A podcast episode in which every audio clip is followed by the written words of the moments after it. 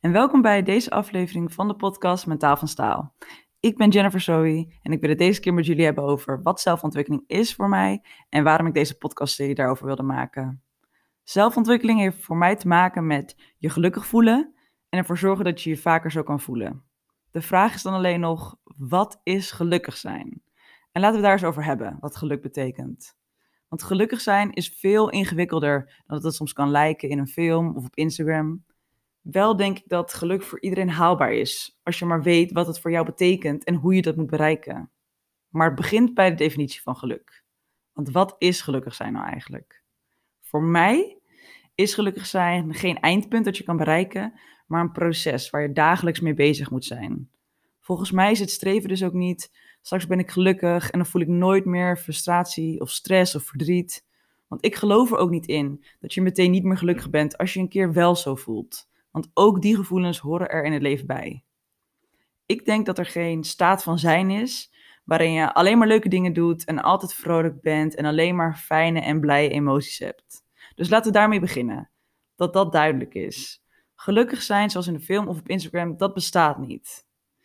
En alleen al die druk van de ketel afhalen, dat er geen gelukkig zijn eindpunt is, dat dat niet bestaat. Alleen daarvan al word ik relaxter en dus gelukkiger. Het is zo ironisch dat het idee dat er wel zo'n eeuwig gelukkig eindpunt bestaat, dat alleen al van dat idee dat je daar al ongelukkiger van wordt. Omdat het dan soms net kan lijken alsof anderen dat wel lukt en zij dat geluk wel lijken te bereiken. Maar zodra jij je een keer minder goed voelt, denk je meteen weer dat het aan jou ligt, dat dat jou maar niet lukt. Dus als je wel op zoek bent naar dat eeuwige zorgeloze geluk, dan heb ik wel slecht nieuws voor je, want dat ga je met deze podcast niet bereiken. Ik denk namelijk dat dat niet bestaat, constant gelukkig zijn.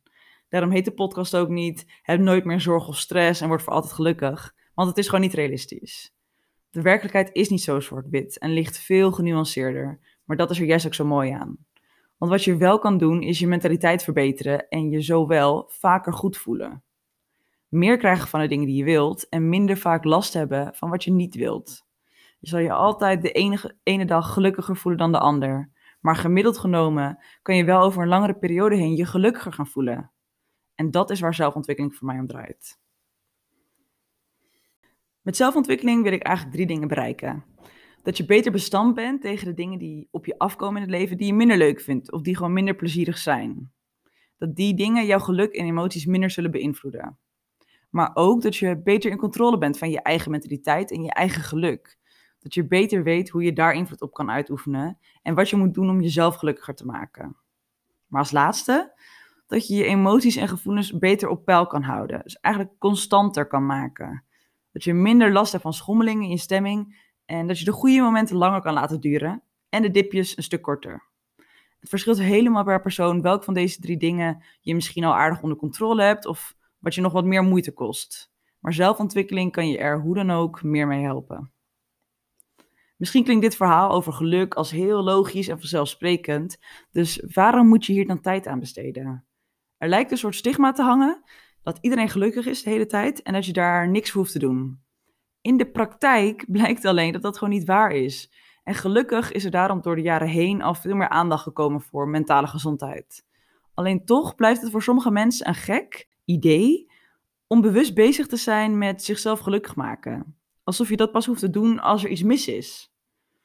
Ik bedoel maar, waar is mentale gezondheid bijvoorbeeld in het onderwijs? Alleen al het feit dat hier geen aandacht aan besteed wordt op school, geeft dus de indruk dat je niet hoeft te leren hoe je gelukkig moet worden en blijven, of hoe je beter in je vel kan zitten. Maar bij je mentale gezondheid lijkt het de normaalste zaak van de wereld, terwijl dat met andere dingen ook niet zo werkt. Je kan geen marathon lopen zonder de maanden ervoor te trainen. Er is geen enkele skill die je kan leren zonder te oefenen. Of je nou wilt leren koken of programmeren. En zelfs als het gaat om relaties met andere mensen, moet je die onderhouden, want anders verdwijnen ze.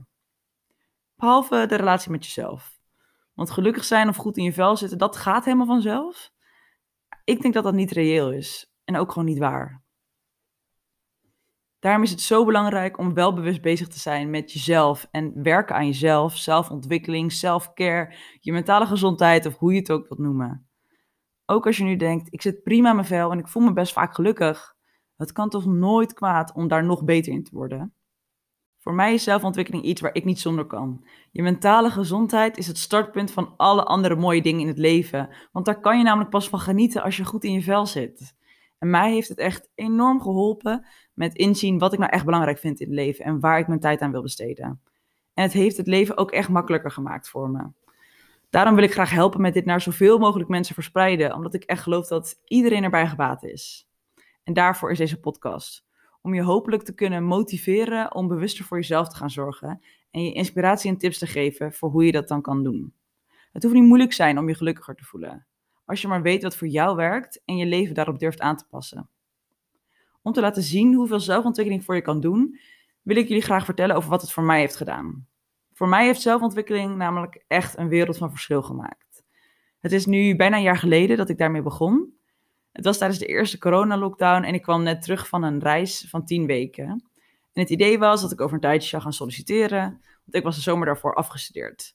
Alleen daar had ik nog niet heel veel haast mee, want ik wilde ook nog even genieten van het vrij zijn. Ik was niet ongelukkig. Ik denk dat als je me toen zou vragen, dat ik niet zou denken dat ik slecht in mijn vel zat. En toch, als ik het vergelijk met nu, dan ben ik bezig met een heel ander persoon te worden. Via via kwam ik in aanmerking met mijn eerste boek over zelfontwikkeling. Dat was Miracle Morning van Hal Elrod. En nu ben ik sowieso een persoon die wel filosofisch ingesteld kan zijn en het leuk vindt om na te denken over de diepere betekenis van dingen of moeilijke vragen, zoals de zin van het leven. Maar de wereld van zelfontwikkeling was wel nog vrij onbekend voor mij. Dus toen ik daar voor het eerst mee kennis maakte via dit boek, toen was ik meteen geïntrigeerd.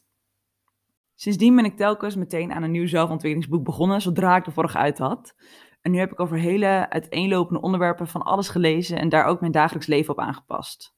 Voor mij zijn de belangrijkste dingen dat ik me veel bewuster ben gaan worden van hoe belangrijk het is om je grenzen aan te geven. En dat ik me veel minder zorgen ben gaan maken over wat andere mensen daarvan vinden of van mij in het algemeen vinden.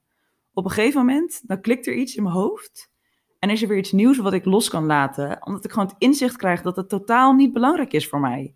Misschien is dat wel wat ik het meeste uit deze reis heb gehaald. Teruggaan naar de dingen in het leven die ik belangrijk vind en me niet meer zorgen maken om de dingen die er ook eigenlijk helemaal niet te doen voor mij.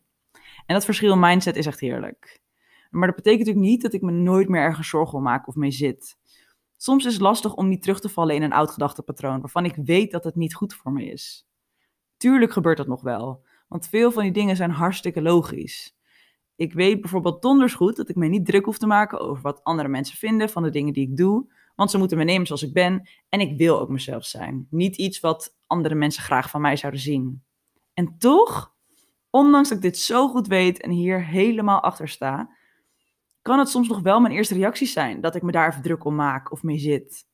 Maar door te begrijpen waarom die eerste gedachte of dat eerste gevoel heel logisch is en me tegelijkertijd ook te beseffen dat het helemaal niet hoeft, kan ik ervoor kiezen om die gedachte ook weer los te laten en het me niet te laten beïnvloeden. En de ene dag is dat natuurlijk makkelijker dan de ander. En daarom is het denk ik ook een blijvend proces. Maar dat besef, dat scheelt al ongelooflijk veel. Ik heb mijn leven ook heel anders ingedeeld sinds een jaar terug. Ik sta tegenwoordig om half zeven op, eh, vaak tenminste, om de eerste bijna anderhalf uur van de dag aan mezelf te besteden. En ja, het eerste kwartier sta ik met een slaperig hoofd mijn tanden te poetsen. En dat zou je misschien niet onder pure selfcare schalen.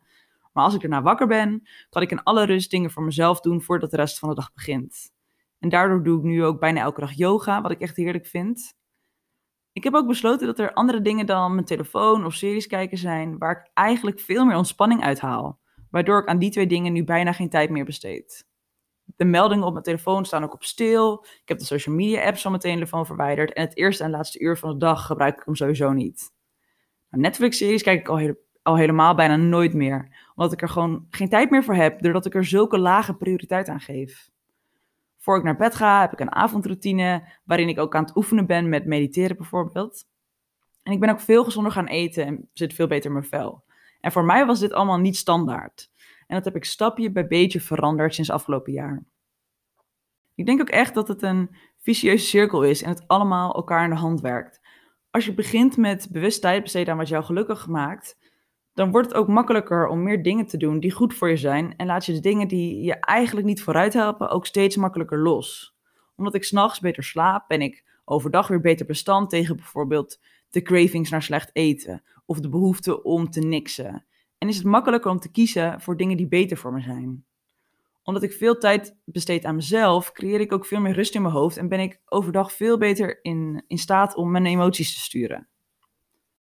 Er zijn ook een heleboel dingen die ik nog steeds anders wil. Ik zou eigenlijk ook elke dag een half uur buiten willen lopen, wat me ook nog niet altijd lukt.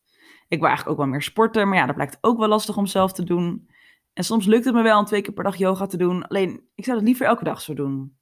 Dus vergis je niet, er zijn nog genoeg dingen waar ik aan wil werken en die helemaal niet lukken. Maar het uitvoeren van al deze nieuwe routines gaat ook met ups en downs. En dat hoort er denk ik ook bij.